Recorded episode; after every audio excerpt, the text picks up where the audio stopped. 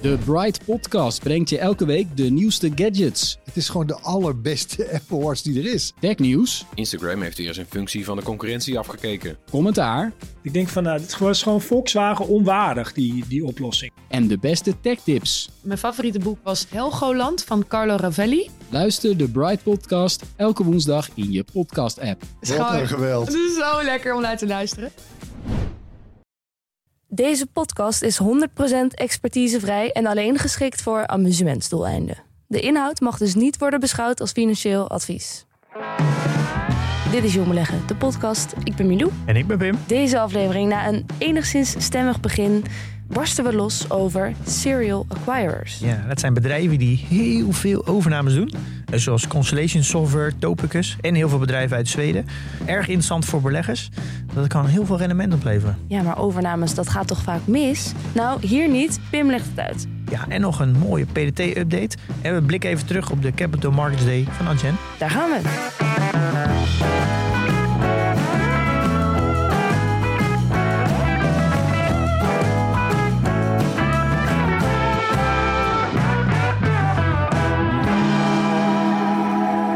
Ja, de dag die we wisten dat zou komen is hier. Charlie Munger is ons ontvallen. Ja, Pim, hoe gaat het met je?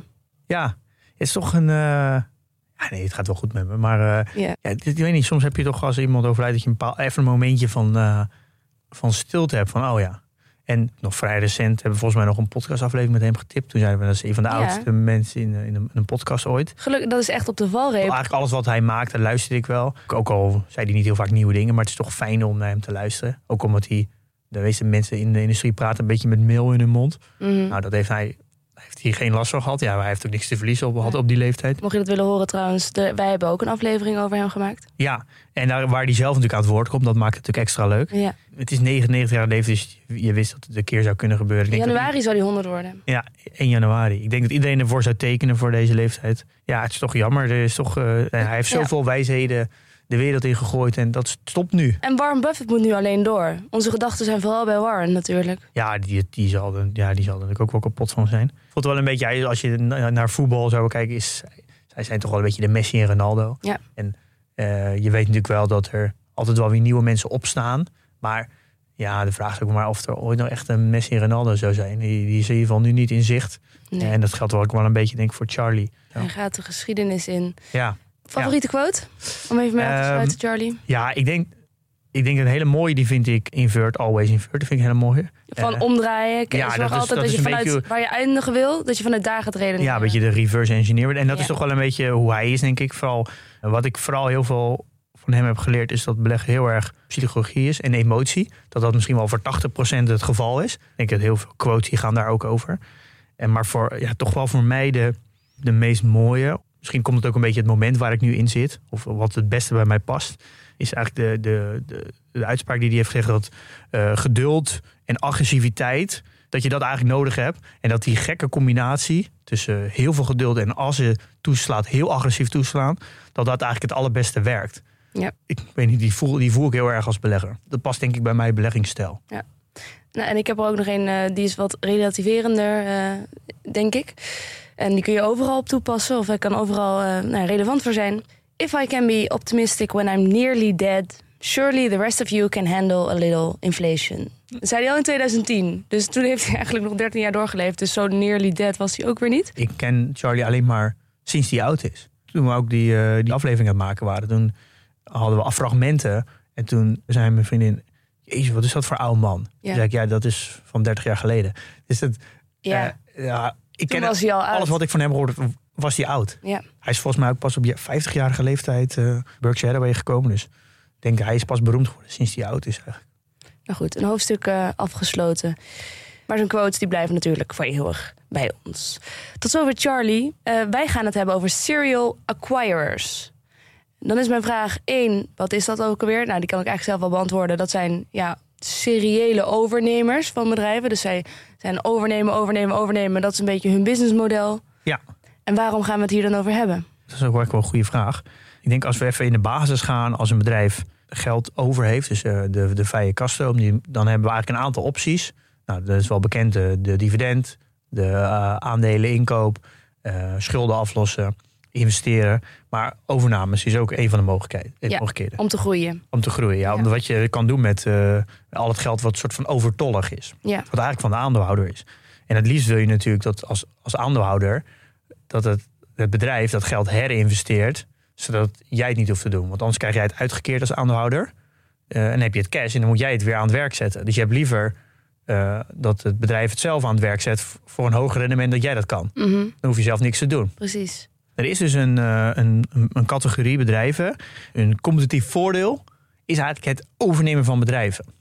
En dan denk je, ja, dan hoor ik jou natuurlijk gelijk al zeggen. Ja, maar de meeste overnames mislukken. Nou ja, dat hoor ik jou altijd zeggen. Ja. Dus dat, inderdaad, dat is wel een van mijn eerste gedachten. Ja, nou, dat is ook een, een goede gedachte. Eh, want ongeveer, ja, er zijn heel veel verschillende studies, maar je hebt studies die 60% zeggen, sommigen zeggen zelfs 90% Dat, het, dat het fout Van- afloopt. van de overnames mislukken. Dat de waarde vernietigd wordt Ja, waarde vernietigd. Ja. Maar er is dus een groep bedrijven die daar helemaal in gespecialiseerd zijn. Het, het is ook op zich wel wat van te zeggen, want als je af en toe een bedrijf overneemt, ja, dan bouw je eigenlijk die kennis niet op van een, de, dus een M&A-team noem je dat, merger and acquisition, dus Ja. fusies en overname. Dat is een intern team die je eigenlijk moet gaan opbouwen om een bedrijf goed over te nemen. Dus je Ja. kan je goed voorstellen als je voor het eerst een bedrijf overneemt, dat je ten eerste je wil iets kopen van iemand, diegene wil er hoofdprijs voor. Ja. Eh, en je, je moet een due diligence doen. Je koopt misschien een kat in de zak. Die ben je zelf misschien een beetje aan het voorliegen. Omdat er allemaal synergievoordelen zijn. En nou ja, emoties komen erbij. Je huurt dure consultants in die die, Ja. die, die overname begeleiden.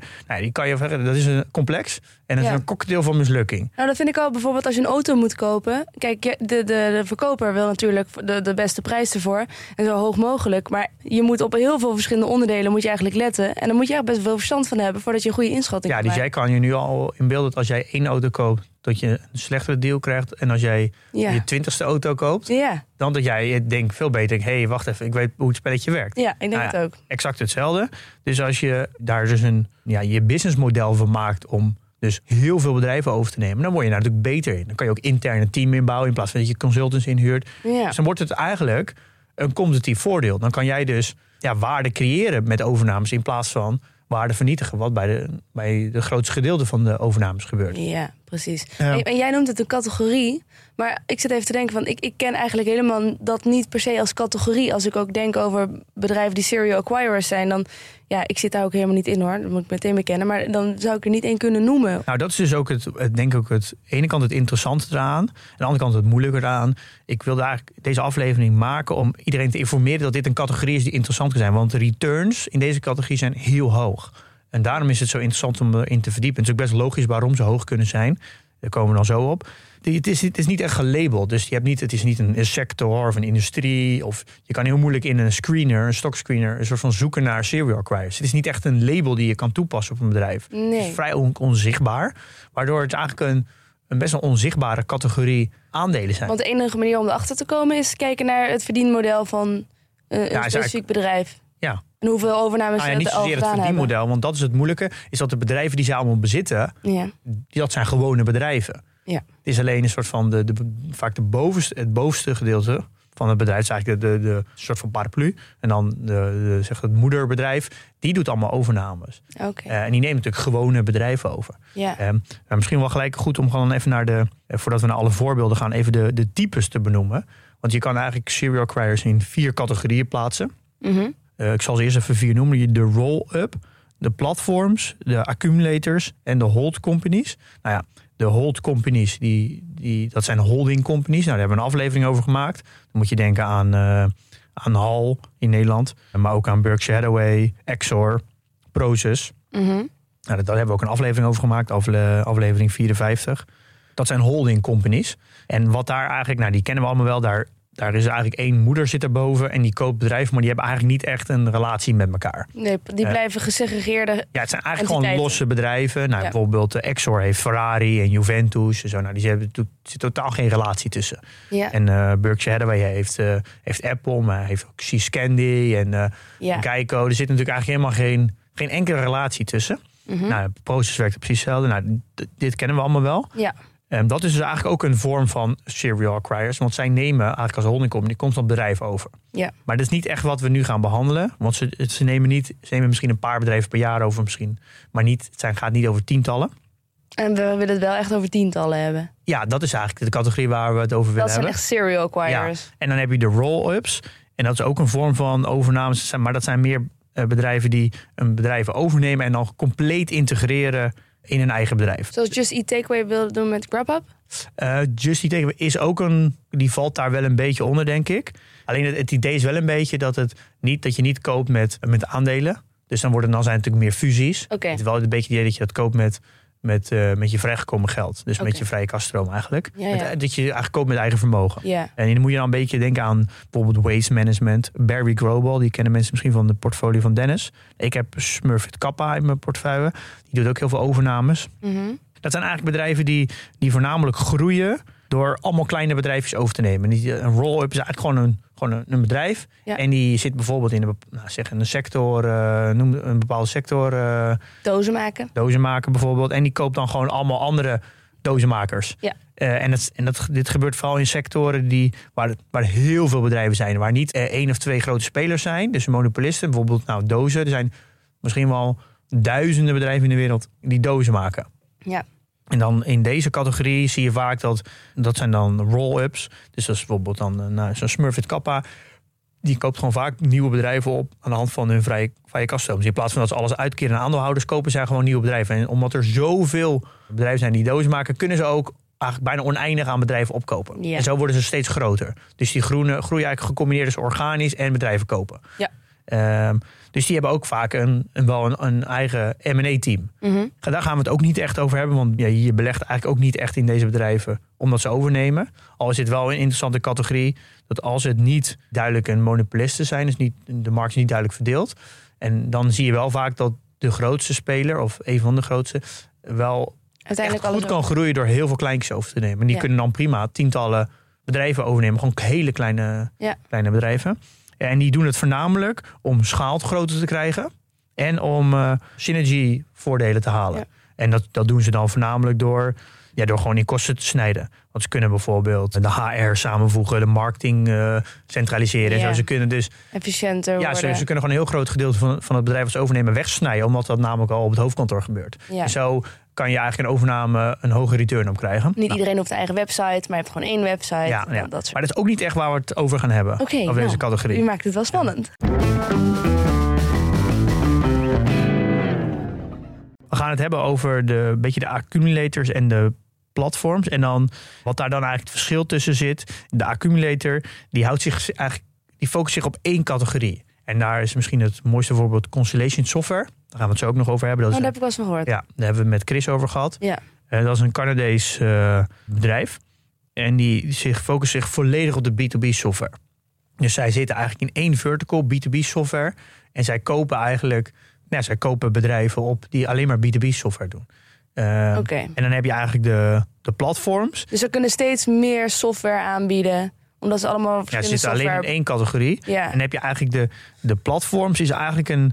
Ja, misschien is Constellation Software uiteindelijk nu ook een platform geworden. Mm. Is dat je dus een, een moederbedrijf hebt en daaronder zitten meerdere verticals. Dus, dan, dus als bijvoorbeeld eh, Constellation Software ook nog eh, consumentensoftware gaat aanbieden of eh, andere dingen, dan, dan is het eigenlijk een soort van moederbedrijf die meerdere accumulators onder zich heeft eigenlijk. Ja. En die zijn er ook. En het idee is dan eigenlijk dat al het geld wat verdiend wordt bij al die onderliggende bedrijven, daar wordt al het geld wat vrijkomt naar boven geduwd, naar het moederbedrijf. En wat die gaat doen, is die gaat alleen maar daarvan nieuwe bedrijven overnemen. Ja. En dan komen er nog meer bedrijven onder. En die gaan ook weer naar boven spelen. Het is eigenlijk een beetje hetzelfde hoe, hoe vaak met vastgoedbeleggers werken. Mhm. Je, je hebt allemaal huizen, beheer je. Daar komt eh, huurinkomsten voor. Die inkomsten gaan helemaal naar boven. En daar wordt van nieuwe huizen gekocht. Krijg je nog meer huurinkomsten. Van nieuwe worden nog meer huizen gekocht. En zo ga je dat door. Ja. Dat is een beetje het eh, idee. En dat zijn eigenlijk de, de categorieën. En de roll-up is eigenlijk een, een volledige integratie. Dus daar Ja. is de integratie heel hoog. Ja. En bij de holding company is de integratie nul. Ja. En dan bij de, de accumulators en de platform, dat verschilt een beetje, maar Zit een beetje Ehm, zit er een beetje tussenin. Eh, maar daar is de focus dat de producten die ze aanbieden, die zijn echt niet divers. Dus het is allemaal heel erg gericht in één, eh, één niche.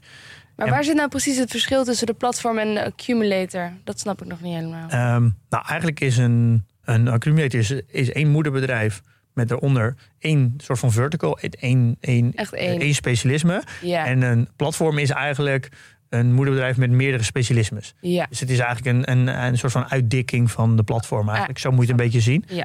Eh, en dat zie je ook wel dat als je naar de voorbeelden kijkt en je kijkt naar die bedrijven, zoals Roper bijvoorbeeld uit Amerika of eh Livco uit Zweden, dat zijn echte platforms die hebben gewoon heel duidelijk op een website wij focussen ons op vier, vier we hebben vier specialisaties.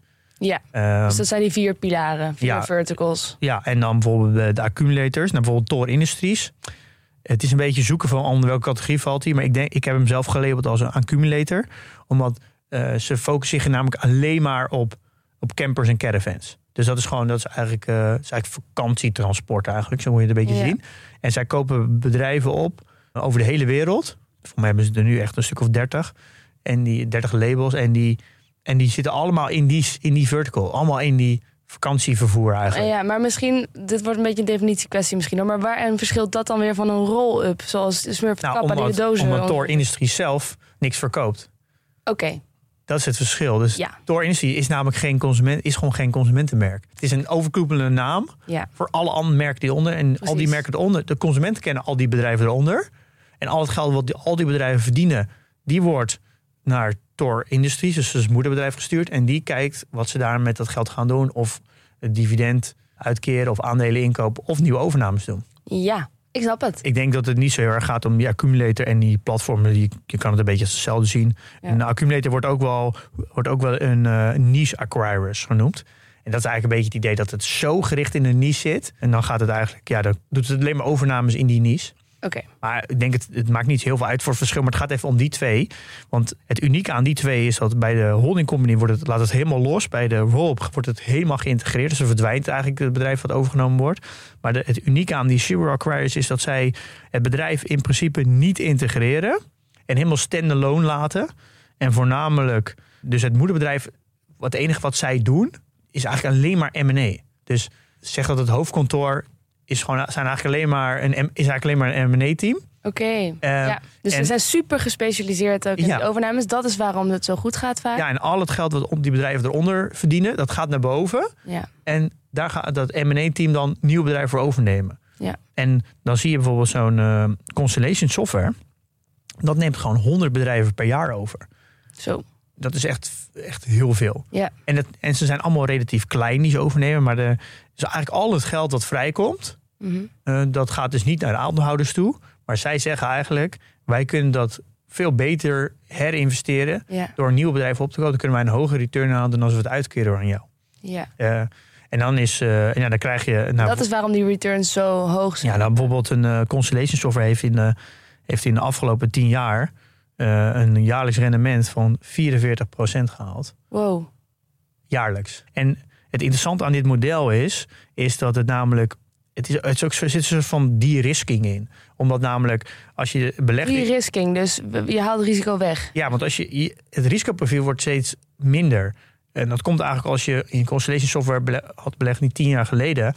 Dan had het bijvoorbeeld, eh, dan had het misschien duizend bedrijven, of zeg 500 bedrijven al in beheer. Mhm. Maar nu hebben ze er 6000. Ze worden er steeds beter in. Dus nee, omdat ze steeds meer bedrijven overnemen, Ja. wordt het risicoprofiel natuurlijk steeds kleiner. Omdat ze namelijk steeds meer spreiding.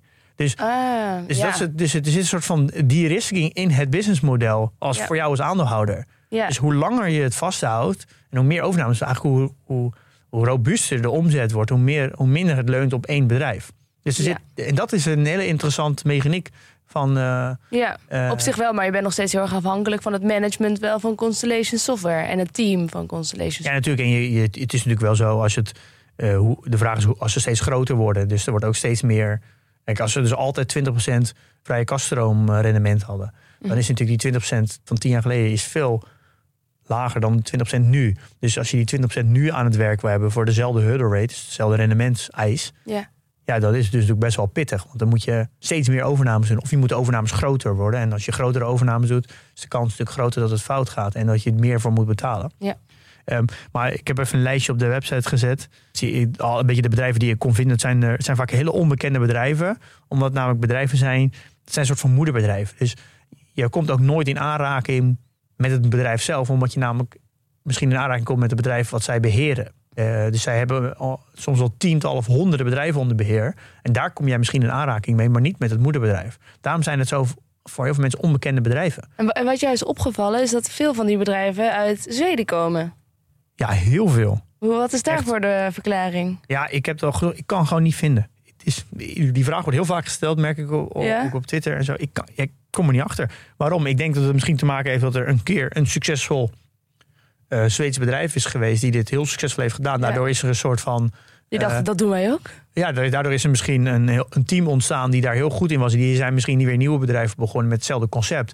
Daardoor is het een soort van gaan leven in Zweden of zo. Dat het een heel succesvol businessmodel is. Maar je ziet het zelden ergens in Europa. Maar in Zweden, daar hebben ze er tientallen. En Grappig. serieus, al die, holding, al die, eh die kwijs, die outperformen allemaal de markt. Ja. En ik denk, de- in Nederland kennen we er dan ook wel eentje. En ja, het wordt een beetje Albert, wordt, die, wordt wel genoemd. Kralenreiger wordt Albert wel genoemd. Eh, maar dat is niet, dat is dan meer, het is niet echt de serial acquirer die, eh, die we nu bespreken. Daar, die komt het meest in de buurt. En hoe verklaar jij nou dat ze allemaal de markt outperformen? Zit dat hem in dat ze zo'n goed M&A-team hebben? Of wat, wat maakt nou, hoe kan dat? Waarom kunnen zij allemaal de markt outperformen? Terwijl voor gewoon een belegger zoals jij en ik is dat heel lastig. En zij kopen natuurlijk, eh, ze zitten vaak in, ze zijn natuurlijk niche acquirers. Dus zij zitten in een bepaalde, ja, een, een niche van in een markt. Bijvoorbeeld eh, een beetje wat private equity ook wel vaak doet. Dus bijvoorbeeld helemaal gespecialiseerd in, eh, in, eh, in eh, business software. Of helemaal in bijvoorbeeld in eh, een tandarts of zo. Ze is echt heel erg gespecialiseerd in een, in een bepaalde hoek. Ja. En zij kopen natuurlijk in de private markt. Dat is sowieso al een voordeel, want je, ze hoeven dus niet op de beurs te kopen, waar je vaak een premie moet betalen. Ja. Dat scheelt heel erg. En de, de cultuur van een acquire is dat ze namelijk het bedrijf houden zoals het is. Dus ze integreren dat niet. En dat is vaak voor verkopers een heel interessant model. Die, die verkoopt liever aan een serial acquire dan aan een private equity. Ja, Want je weet, als je het aan private equity verkoopt, dan wordt het natuurlijk opgepompt en na zeven jaar weer verkocht. Ja. En ja, dat zijn, toch, er zijn toch heel veel bedrijven waar mensen gewoon, waar ondernemers gewoon klaar mee zijn. Ja. Of met pensioen gaan. En een, en een, een soort van goed, goede plek wil hebben waar, dat, waar die bedrijven terechtkomen. En het liefst willen ze natuurlijk dat het bedrijf gewoon door blijft gaan. Waardoor het personeel ook eh, Ja. werk blijft houden. En, eh, dus dan is een zero een hele mooie plek om je bedrijf eigenlijk aan te verkopen. Ja. Ja, Ze kopen natuurlijk vaak kleine bedrijven. En kleine bedrijven die zijn vaak goedkoper gewaardeerd. Dus je eh, werkt vaak in de, in, de, in de businesswereld dat een klein bedrijf heeft een lage multiple. En eh, hoe groter het bedrijf wordt, hoe hoger de multiple het wordt. Dus je, je hebt natuurlijk al een hele grote voorsprong als je zelf verhandeld wordt voor 15 keer de winst. Maar je kan bedrijven kopen voor 5 keer de winst. Ja, dan heb je natuurlijk al, eh, al je eerste winst al flink te pakken. Vaak hebben zij ook een soort van operational excellence in huis. Dat houdt eigenlijk in dat zij gewoon de allerbeste mensen kunnen halen hoe je een bedrijf zo efficiënt mogelijk runt. En ja, als je een bedrijf overneemt, bijvoorbeeld van 50 man, waar een eigenaar die al runt, ja, die heeft misschien niet de boel volledig goed geoptimaliseerd. Dus Die, die zijn kan nog wel wat leren. die zijn misschien nog heel Ja. veel optimalisatie doen. En je hebt natuurlijk een, ze hebben een soort van operational excellence team. Ja. Als je in zo'n bedrijf komt, en die, die kan dan best wel snel heel veel, eh, Ja. ja. gewoon eh, het bedrijf gewoon beter runnen, waardoor je al hogere marges kan krijgen. Ja, ja. En ik kan me ook voorstellen dat het operational excellence team eigenlijk een beetje die fundamentele analyse voor jou doet, zodat jij dat als belegger ook zelf niet hoeft te doen. Zij selecteren eigenlijk de bedrijven waarvan zij denken daar zit de waarde in. Ja, dat jij zelf niet meer te Nou, doen. bijvoorbeeld bij eh, Constellation Software, daar eh, lees je vaak dat zij gewoon al een, een soort van shortlist hebben van 30.000 bedrijven. Noem het eh, maar een shortlist. Ja, van allemaal. En zij zitten echt in de, in de, in de B2B software. Ja, En dan echt in de, de hele saaie B2B. Ze hebben bijvoorbeeld gevangenissoftware. Ze hebben software voor eh hypotheek, hypotheekaanvragen. Ja. Voor eh, huisartsen, eh, basisscholen. Echt de, de software die ziekenhuizen. De software die je echt nodig hebt om een Ja. bedrijf te runnen. Maar het, ja, wij noemen dat als developer een beetje een krut applicatie. Het is eigenlijk gewoon een soort van database met een, met een, met een, met een visuele veldjes. Het is eigenlijk gewoon een, een overdreven grote Excel. Eh, Het zijn een super simpele software, maar essentieel in de bedrijfsvoering. Waardoor je eh, gewoon switching kosten, die heb je eigenlijk gewoon niet. Nee, oké. Of, eh, sorry, die die heb je heel heel, hoog. heel hoog. Ja. Want als ziekenhuis en kan je niet zonder dat systeem, want je moet bij je patiëntgegevens. Ja. En er zijn ook niet zoveel concurrenten. En dat zijn eigenlijk, ja, je kan je jaarlijks lekker je prijzen verhogen met inflatie. Want ze kunnen toch niet wisselen. Het is een beetje het dagelijks brood. Maar daar zijn nodig. insane veel bedrijven van. Ja. Eh, van zulke soort, eh, van die lagen. En Ja, die ja. kopen zij allemaal op. En wat zij dan hebben, is dat zij zeggen dat zij nu eh, een paar duizend bedrijven hebben. En zeggen tegen al die bedrijven: Ik wil dat jullie mij elk kwartaal een lijst geven van welke bedrijven in jullie sector, in, grootste concurrenten die jullie mogelijk willen overnemen. Dat gaat dan allemaal naar het hoofdkantoor toe. Ja. En zij geven eigenlijk de munitie aan al die onderliggende bedrijven om te zeggen: Je mag, denk ik, aan de hand van je verhouding, je mag. eh, als het 10% is van je omzet of zo, dan mag je dat bedrijf gewoon overnemen. Geef ons een seintje en dan fietsen wij wel even die, eh, het M&A-team van het hoofdkantoor naar binnen. En dan helpen wij je even in die overname. En zo kan je eigenlijk heel erg decentraal allemaal overnames organiseren. Want het moet natuurlijk decentraal gaan, anders kan je nooit zoveel overnames doen. Ja. Ja, en als- je zoveel overnames kan doen, dan kan je die vrije kaststroom die er elke, elk jaar is, weer aan het werk zetten. Ja. En dan heb je natuurlijk een, een, eh, een soort van hulder rate nodig. Dus ja, wat is dan de, de grens die jij zelf zegt, wat je minimaal als rendementseisen hebt? Oh ja, En ik, daar hebben we ook eh, een aflevering over gemaakt. keer, aflevering 134. Ja. Eh, dus eigenlijk, wat wil jij voor minimaal, wat is jouw minimale eis aan rendement? Ja. En ik je behoor bij Constellation Software, zeggen ze altijd in de, bij de aandeelhoudersvergadering dat ze focussen op 25%. Ja. Dus dat is de minimale hurdle rate die ze hebben voor, voordat ze een investering doen. Dus ja, dus daar selecteren ze dan op. ja, dan, zijn ze, Ja. moet je heel veel discipline hebben dat als het 24 is, dat je dan niet koopt. Dus dan moet de prijs naar beneden tot het op 25 komt. Ja, dat is eh, daardoor, als je dus al je vrije kaststroom tegen 25% kan investeren, ja, dan weet je dat je over, lange, ja, over een hele lange periode natuurlijk ook je performance op de beurs gaat daar, gaan daar ook naartoe. Dus dat is heel erg gedisciplineerd eh, aan te werk gaan. En dit eigenlijk, ja, dit concept. Er zijn best wel veel bedrijven die dit doen. En dan Constellation Software is dan de grootste. Nou, dat is nu gewaardeerd op de beurs 70 miljard. Ja. Dus dat is echt serieus een grote. Ik weet, daar hadden we het met eh, Chris over in de aflevering eerder. Ja. Eh, over 100 baggers of over Ja. multibaggers. Ja. Nou, dit is natuurlijk een bedrijf wat natuurlijk ook, ook heel groot kan worden. En snel een Hondenberg kan worden. Omdat als het constant de vrije kast tegen een hoog rendement kan investeren. Ja, dan krijg je natuurlijk gewoon een compounding effect, Ja. maar dan op steroids. Eh, wil dat nou niet? Eh, Beleg jij zelf in eh, serial acquirers? Nee, maar ik heb wel, dat heb ik al, al heel vaak gezegd, bijvoorbeeld Topicus. Dat Ja. is een soort van semi-Nederlands bedrijf. Dat is dan weer een spin-off van Constellation Software. Ehm, die hou ik al heel lang in de gaten. Mhm. En zij zijn Ja. ook een beetje serial acquirer. Zij zijn eigenlijk gewoon een, kopie van, van Constellation Software. Ja, oké. Constellation Software komt uit, uit Canada.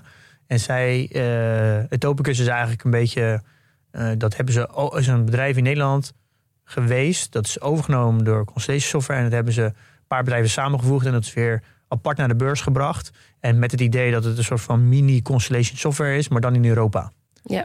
Eh, dus een focus voornamelijk op Europa. Die hou ik al heel lange tijd in de gaten. Alleen ik vind ze gewoon best geprijsd, best duur. Eh, en het is Nou, dat best- lijkt me ook moeilijk om dat te beoordelen wat het waard is. Nou, dat is dus een, mijn andere uitdaging. Het, is de waarde- het waarderen van een, van een Shimmerkai is best lastig. Ja.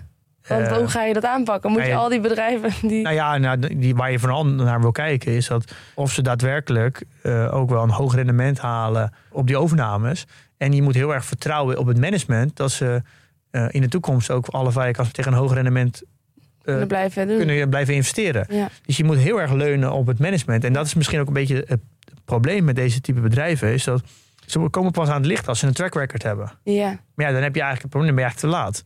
Ja, Eh, dus als je dat wil gaan voorspellen, moet je eigenlijk ook gaan eh, bekijken van hoeveel bedrijven zitten er nog in deze business? Hoeveel overnamemogelijkheden zijn er überhaupt nog? Om Ja, je moet, Toch? wel, Ja. ja. Ja, je moet daar wel een soort van... eh, een- visie op hebben? ja, ja, en je moet wel heel erg leunen op het management. Dus vertrouw jij het management. Ja, Eh, eigenlijk is dat, ja. Dat is, is heel erg bepalend hier. En dat is natuurlijk best moeilijk, want je, ja, wij, je kent die mensen niet persoonlijk. Het is eh, voor de meeste retailbeleggers is, zo- is M&A best wel moeilijk te begrijpen. Dus het is een categorie die, waar, je, waar je eigenlijk niet zo snel eh, particuliere beleggers in ziet gaan. Maar het is wel, als je eenmaal een bedrijf te pakken hebt... en het kan ook echt, echt eh, vrij kassen om tegen een hoog rendement nieuwe bedrijven overnemen... ja, dan eh, zit je, hoef je echt letterlijk niks te doen. Want Gewoon eeuwig vasthouden. ja, want als, zolang het management het tegen een, hoog, tegen een hoger rendement kan investeren dan dat jij zelf zou kunnen. Ja, Ja. Dan, dan wil je niet dat het geld uitgekeerd wordt naar jou. Dan wil je dat het management het geld blijft eh, investeren. Dus dan hoef je echt letterlijk niks te doen. En wie weet wordt het wel een En multibagger. dus, eh, ja, op een gegeven moment krijg je natuurlijk wel een beetje de wet van de grote getallen. Want ja, het is heel makkelijk om 10 miljoen per jaar een nieuw bedrijf van te kopen. Dan als je 1 miljard hebt, dan moet je elk jaar een 1 miljard aan bedrijven kopen. Ja, precies. Dus daarom moet je weten of en hoeveel bedrijven überhaupt nog daar eh, interessant zijn. Ja, en dat natuurlijk op een gegeven moment wordt het gewoon steeds lastiger. Want ja, de- dan moet je gewoon steeds meer bedrijven overnemen. Wat complexer wordt. Ja. Of je moet grotere bedrijven overnemen. Maar grote bedrijven, die moet je weer meer voor betalen. Ja. Eh, Maar goed, je expertise loopt ook op natuurlijk, hè? Want je hebt steeds meer overnames gedaan. ja, dat Dus- plafond natuurlijk wel op een gegeven moment.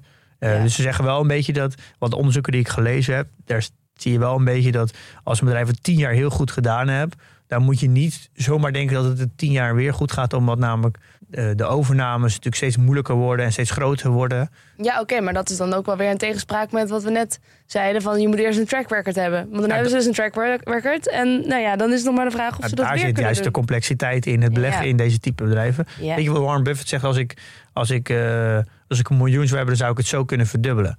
Eh, maar dat is natuurlijk veel lastiger als je 150 miljard te besteden hebt. Ja. Wat hij nu heeft Ja. eh, aan cash.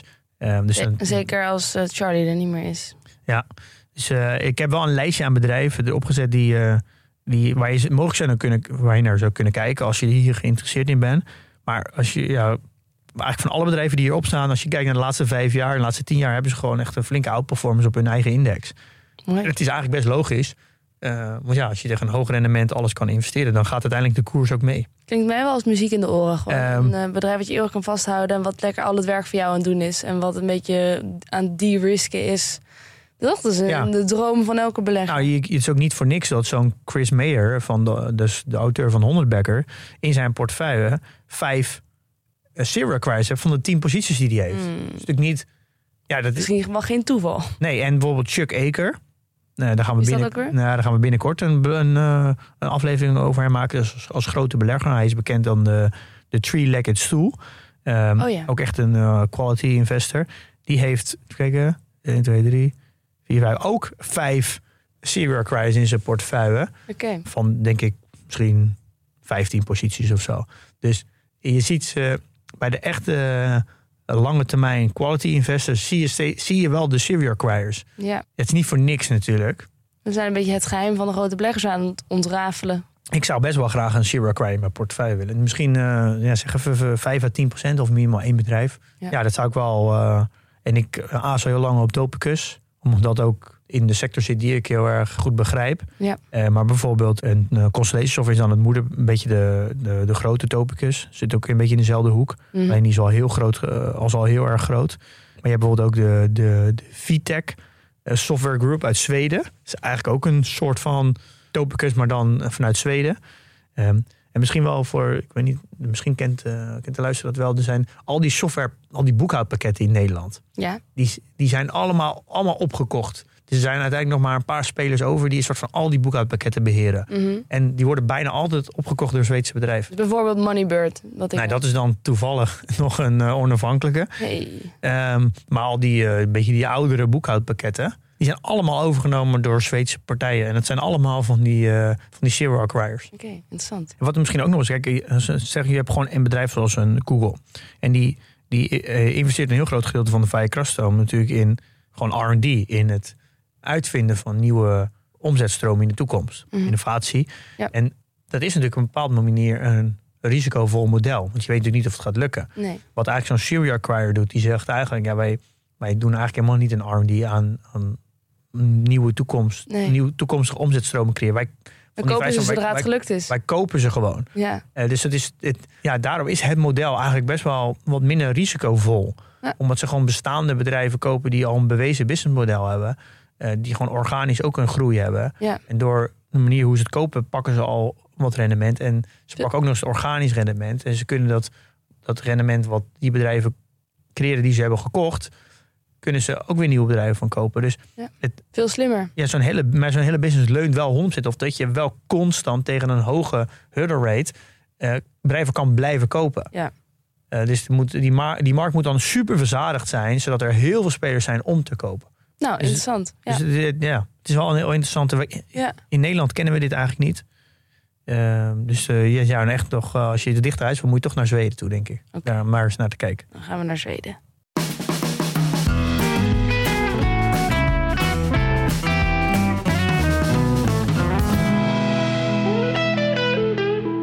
Pim, we gaan het even over de portfolio dividend tracker hebben. Is er een update? Ja, we hebben weer elke twee weken. We hebben nu een. Eh, het is nu mogelijk om periodieke performance tegenover de benchmark te zien. Ehm, dus je kan nu op de performance pagina een zelfde periode groepering selecteren. Dus je kan per dag, per week, per maand, per kwartaal of per jaar. Mhm. Dan krijg je dus al die balletjes te zien wat je performance zijn per geselecteerde periode. Eh, Oké, dus ik kan bijvoorbeeld over oktober zien of ik het in die maand beter heb gedaan dan de benchmark. Ja, eh, maar je kan bijvoorbeeld year-to-date selecteren. Dan krijg je dus één per maand. En dan krijg je in dit geval dan nu 11 balkjes. Ja. Eh, elke maand één. Want je hebt groepering Ah. maand geselecteerd. En Ja. je hebt in de periode year-to-date. Dus, dus, dus eh, in januari tot nu. En dan krijg je dus 11 balkjes te zien. En dan kan je dus, dus dan zie je groen of rood wat je performance is in die maand. Ja. Maar dan kan je dus ook dus de benchmark selecteren. Of je dan per maand krijg je een overzicht of je het beter slechter dan de benchmark hebt gedaan. Ja, ja. Maar je kan ook kwartaal selecteren of dag of week. Eh, dus dat is eigenlijk wel een leuke. Ja, geeft ve- veel inzicht. En dat kan je ook met je dividend doen en ook met je kosten. En wat ook leuk is, dat we erbij laten zien hoeveel positieve periodes heb je nou gehad in wat jij geselecteerd hebt. Dus als je bijvoorbeeld op max zet, dus eh, sinds je gewoon op maximaal, en jij selecteert bijvoorbeeld eerst dag, dan zie je hoeveel procent van de dagen zijn positief geweest. Nou, bij mij was dat 52,7. Dus dat is bijna een soort van coin flipping. Dus Mhm. op dagelijkse basis is dus in bijna vier jaar beleggen is het 52,7% positief. Dus dat betekent Ja. dat 47, iets meer dan 47% negatief is. Dus dat gevoel van dat het, als je op dagelijkse basis kijkt, is het eigenlijk een soort van kop of munt. ja, inderdaad. Dus je, hebt- je hebt best wel veel te maken met negativiteit. Op dagelijkse basis eigenlijk. Dat laat je heel goed zien. Dus eigenlijk oh, bijna als ik twee dagen zou kijken, zou één dag negatief zijn op mijn broker en één dag positief. Mhm. En we weten dat negatieve dagen je meer herinneren dan positieve dagen. Ja. Dus het kan best wel kloppen dat, dat als jij een belegger bent, dat jij eh, het gevoel hebt dat het wat negatief is. Dat heb ik wel eens eerder over gehad. En dat, dat komt eigenlijk hierdoor. Ja. Eh, maar als je dan weer gaat uit, verder gaat uitzoomen en we kijken op weekbasis, dan, dus we selecteren op week, dan is 55, pro- 55,2% positief. Ah, precies. Dus als je verder uitzoomt, hoe verder je uitzoomt, is er over het algemeen gewoon een positiever beeld. Ja, en op maandbasis is bij mij 53,2%, op kwartaalbasis 62,5% en op Ja. jaarbasis 75% positief. Ja. Dit is heel leuk om te zien. Dat Ja. zeggen ze ook. Als je op dagbasis belegt, schokken. Ja. Beleg je op 20 jaar basis, dan is er, geen, is er nooit een periode geweest dat je een negatief rendement had gehad. Dus hoe korter je horizon, hoe groter de kans dat het 50-50 is. En hoe langer je horizon, hoe groter de kans is dat je positief rendement hebt. En dus dat is eigenlijk de, soort van de theorie. Ja. En die, die kan We je gewoon bewijs. die kan je nu gewoon in je portefeuille zien. Ja. Dus dit geeft ja, wel inzicht dat als je dus gewoon hoe langer je belegt, hoe gro- groener het wordt. Ja. Dus ja, probeer het, eh, probeer het voor jezelf uit. Eh, ga naar de prestatiepagina en eh, speel een beetje met die groeperingen. Dan kan je het effect zien. ja, dan kan je je weer afvragen van, ja, wat heb ik daar dan precies aan? Maar uiteindelijk kun je met de PDT wel gewoon zien wat je precies aan het doen bent. Als je het inzicht niet hebt, dan kun je ook niet leren van je fouten. Kun je ook niet vooruit eigenlijk. Kun je geen betere belegger worden. Dat is misschien, weet je, waarom wij eigenlijk, waarom we eigenlijk PDT zijn gaan bouwen, is dat je eh, als relatief jonge belegger ga je heel snel boeken lezen, ga je heel snel leren, je leercurve is heel groot, maar op een gegeven moment kom je in de praktijk terecht dat je ook een soort van terugkoppeling wil van, van je eigen gedrag.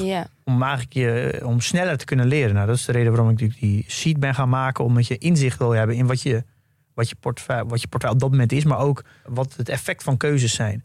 En eh, eigenlijk met die gedachte ontwikkelen wij eigenlijk PDT ook. Dus eigenlijk het, het, het doel waarom we dit maken is dat ik zelf een, een feedback loop creëer van mijn eigen gedrag. Dat ik dan aan PDT lever. Dus eigenlijk alle mutaties lever ik aan PDT. Dus mijn handelingen. mhm, En daar krijg ik eigenlijk feedback aan terug van wat voor impact mijn handeling heeft gehad ja, zodat ik eigenlijk daar een betere belegger van word. En eigenlijk met die intentie designen we en bouwen we PDT ook. Dus alle functies die we maken, die we nu de laatste tijd vooral aan toevoegen zijn, is eigenlijk met die gedachte. Hoe kunnen we eh, PDT zo opzetten dat, eh, dat iedereen een betere belegger wordt? ja. Zodat je niet alleen maar van anderen leert en wat je leest in boeken of wel in podcasts of op websites.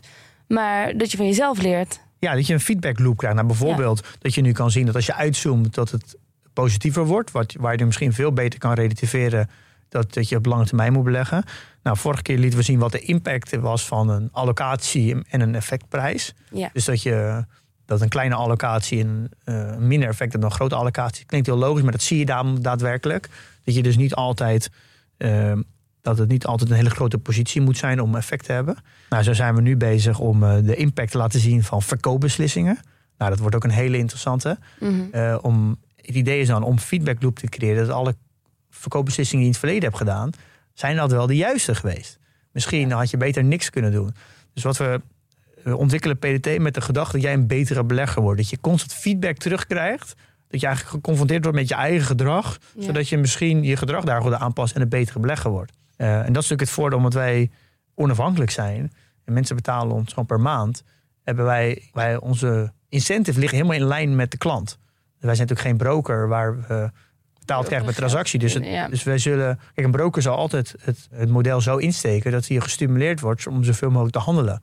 Die, eh, hoe dat Nee. platform wordt gedesigned ligt niet in lijn met, met jou voor jou als belegger. Dus Ja. dat is dus een beetje de, de gedachte achter hoe wij PDT ontwikkelen. Ja. Dus eh, in de toekomst zullen we ook steeds meer dingen toevoegen die waar, waar jij een soort van terugkoppeling krijgt van je eigen gedrag. Ja. Zodat je daar Gewoon hopelijk een beter ondersteuning. beleg voor Het wordt. wordt dus een tool. Nou, ik hoop uiteindelijk dat we een stukje software creëren waar iedereen ja, een betere belegger van wordt. Dat, eh, dat er een soort van feedback loop ontstaat naar, van de software naar jou toe en weer terug. Ja, het is misschien heel moeilijk te kwantificeren dat je daadwerkelijk een betere belegger wordt, maar dat, dat is wel de intentie hoe we het ontwikkelen. Het is niet zo zomaar een tracker dat je even kan, gewoon even je rendement kan zien.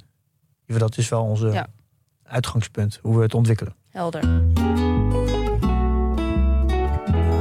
We duiken even een klein beetje de actualiteit in. Met de Capital Markets Day van Adyen. We, we, we hebben het er van de zomer niet over gehad. Toen die, die enorme koersval opeens was. En ik van al mijn vriendinnen kreeg, moet ik nu Adyen kopen? Ja, Ehm, want we hadden die aflevering al opgenomen. Jouw eh, dochter werd geboren in die tijd. Dus wij, wij konden daar niet inhoudelijk op dat moment op reageren. Daarnaast zijn we niet een hele actuele podcast nee, natuurlijk. ja, nee dat klopt. Ja. De, de koers van Adyen was om erbij dat mijn dochter geboren was. Dus we hadden die aflevering van Steve Jobs al opgenomen.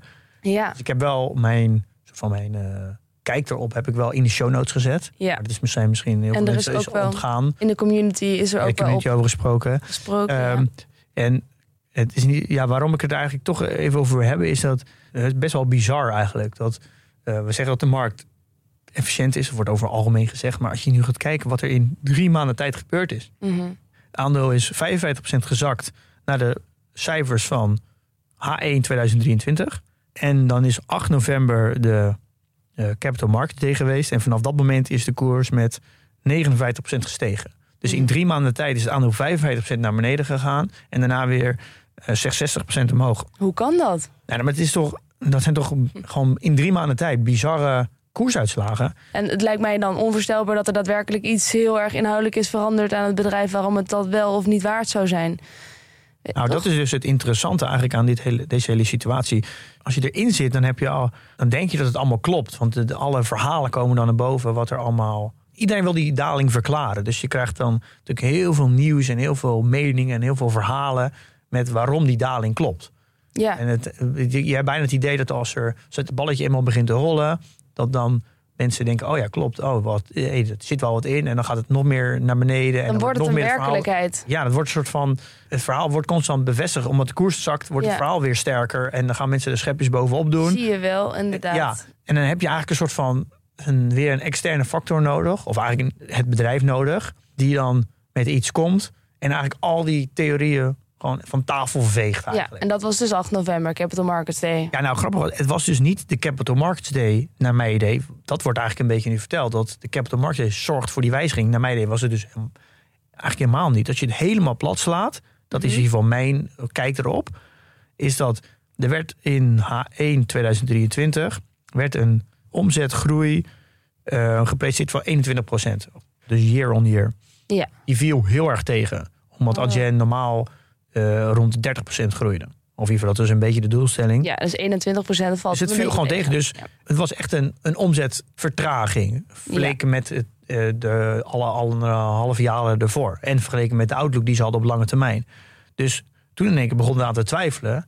eh, Gaan hey, ze het niet waarmaken? ja, is er wat mis met dat yen? En nou, maar dat was wel in een periode dat het heel veel bedrijven het gewoon wat minder deed in H1. Dus Ja. het was economisch gewoon wat minder. En nu kwamen ze met cijfers eh, van Q3. Ze zijn nu per, per kwartaal een update gaan geven. En in Q3 was het alweer een net revenue growth van 26% Oké, dus het is weer aan het toenemen, de, Dus de omzetgroei. Ja, dus eigenlijk als je nu terugkijkt, is het gewoon. eh, ja, zeggen als je kijkt naar, ook naar Google en naar Amazon. Kijk, als je daar al die kwartalen een rij zet van de, zeggen de afgelopen eh, nou, zeggen de 30 tot 40 kwartalen een rij zet, Mhm. dan zie je daar af en toe moment dat de omzet een beetje minder hard groeit.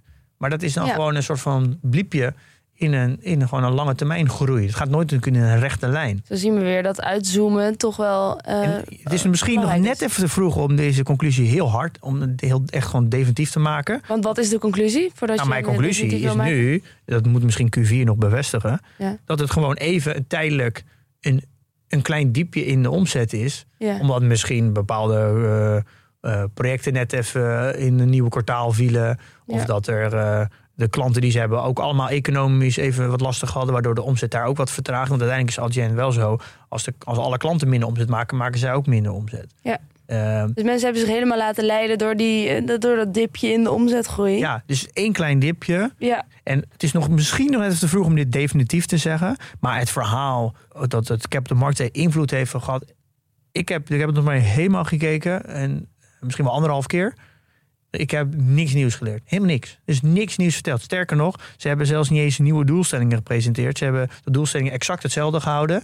Ze hebben alleen een extra tussentijdse doelstelling gepresenteerd. Dus financial objective voor over drie jaar. En ze hadden eerst over de eh, mid- en long term.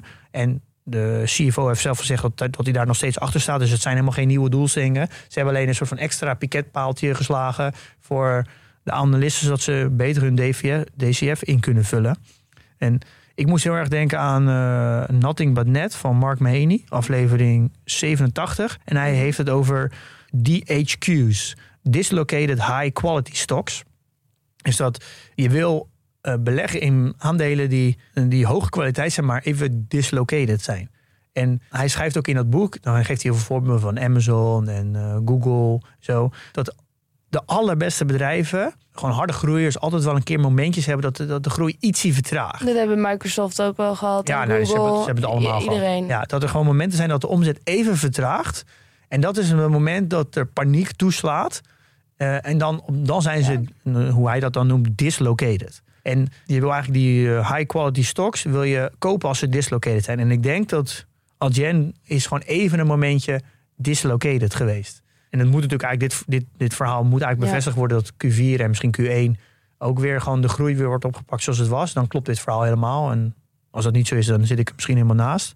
En ik denk wel dat, daar baal ik misschien een beetje van. En het is natuurlijk wel echt een eh, koe in de kont kijken. Maar eh, ik denk wel als stokpikker, dan zijn dit wel echt de momenten dat je eigenlijk moet toeslaan. Dat heb ik wel gedaan. Ja. Eh, ik heb een stukje Tor verkocht. Ja, Ik heb, oh, en je hebt eh, agenda voor terug. Daarom, dus je hebt goed. Ja. Ik heb, ik heb in principe wel goed gedaan. Ja. Alleen, ik, maar ik heb het eh, maar naar 5% van mijn portefeuille gedaan. En dat, daar, daar baal ik dan een beetje van. En een stuk achteraf, dat weet ik. Maar ik denk wel, en dan moest ik weer aan die quote van Charlie denken, is dat heel veel geduld hebben, dat is een, een hele goede vaardigheid in beleggen. Maar als je stokpikker bent, moet je ook agressief kunnen toeslaan als er echt kansen zijn. Want er komen gewoon niet zo heel vaak kansen voorbij. Want anders heeft het misschien het stokpikken niet zoveel zin. Want dat zijn de momenten dat je een soort van dan moet je je outperformance pakken. Eh, want dan is het heel erg een, een dislocated situatie. En die, die extreme dislocated situaties die komen gewoon niet zo vaak voor. Dus je moet ze wel leren herkennen en dan ook echt toeslaan. Maar dan Ja. kom je echt op het punt dat, je, dat beleggen echt psychologie is. Want dat is, vond ik dus zo lastig. En daar, daar baal ik dan een beetje van. Dat ik er zelf heel erg van overtuigd was dat, het, dat er niks aan de hand was. Maar toch een soort van reserve inbouwde.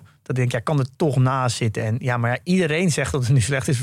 Wat zie ik dan niet goed? Je gaat toch twijfelen. Ja, Eh, ja dat je bouwt is dan toch, psychologisch bijna een onneembare woorden. ja, maar je bouwt dan toch een soort van eh, voorzichtigheid in. Dat je Ja. denkt, nou ja, dan maar 5% van mijn portefeuille. Maar dan denk ik, ja, wat heeft, dan heeft het gewoon, het effect is gewoon heel erg, is gewoon te klein. Als je dan wel goed zit, Ja. dan heeft het te weinig impact. Ja.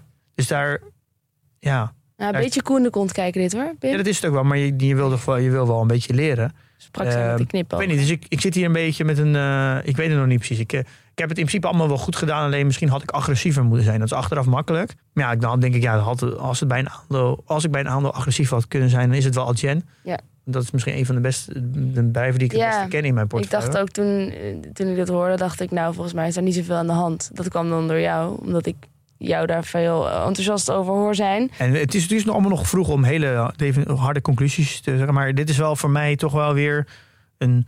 Ja, ik zie dat toch wel weer als een, als een leermoment. Ook in de gedachten van Charlie. Dat als je echt aan het stokpikken bent. Dat, en, je, en je kan het geduld opbrengen door gewoon heel gedisciplineerd goed aan je risicomanagement werken. Dat, maar als er dan een moment voorkomt. Dat je dan ook wel kracht vindt om echt toe te slaan. Ja. Heel mooi. Probeer dat vast te houden ook. En eh, nou, we kijken uit naar de cijfers van Q4 dan. Hè? Wordt interessant. Ja, nou ja, zeker. Want als Q4 eh, weer in lijn is van de groei van Q3, dus zeg eh 25% plus, dan wordt het verhaal van het is een, even een tijdelijk dipje geweest wel, wel ex- heel erg sterk bevestigd. We onthouden het voor de toekomst hopelijk. En we zijn onze psychologie dan wel te baas. Of niet. En blijven we heel voorzichtig handelen. Ik weet het niet.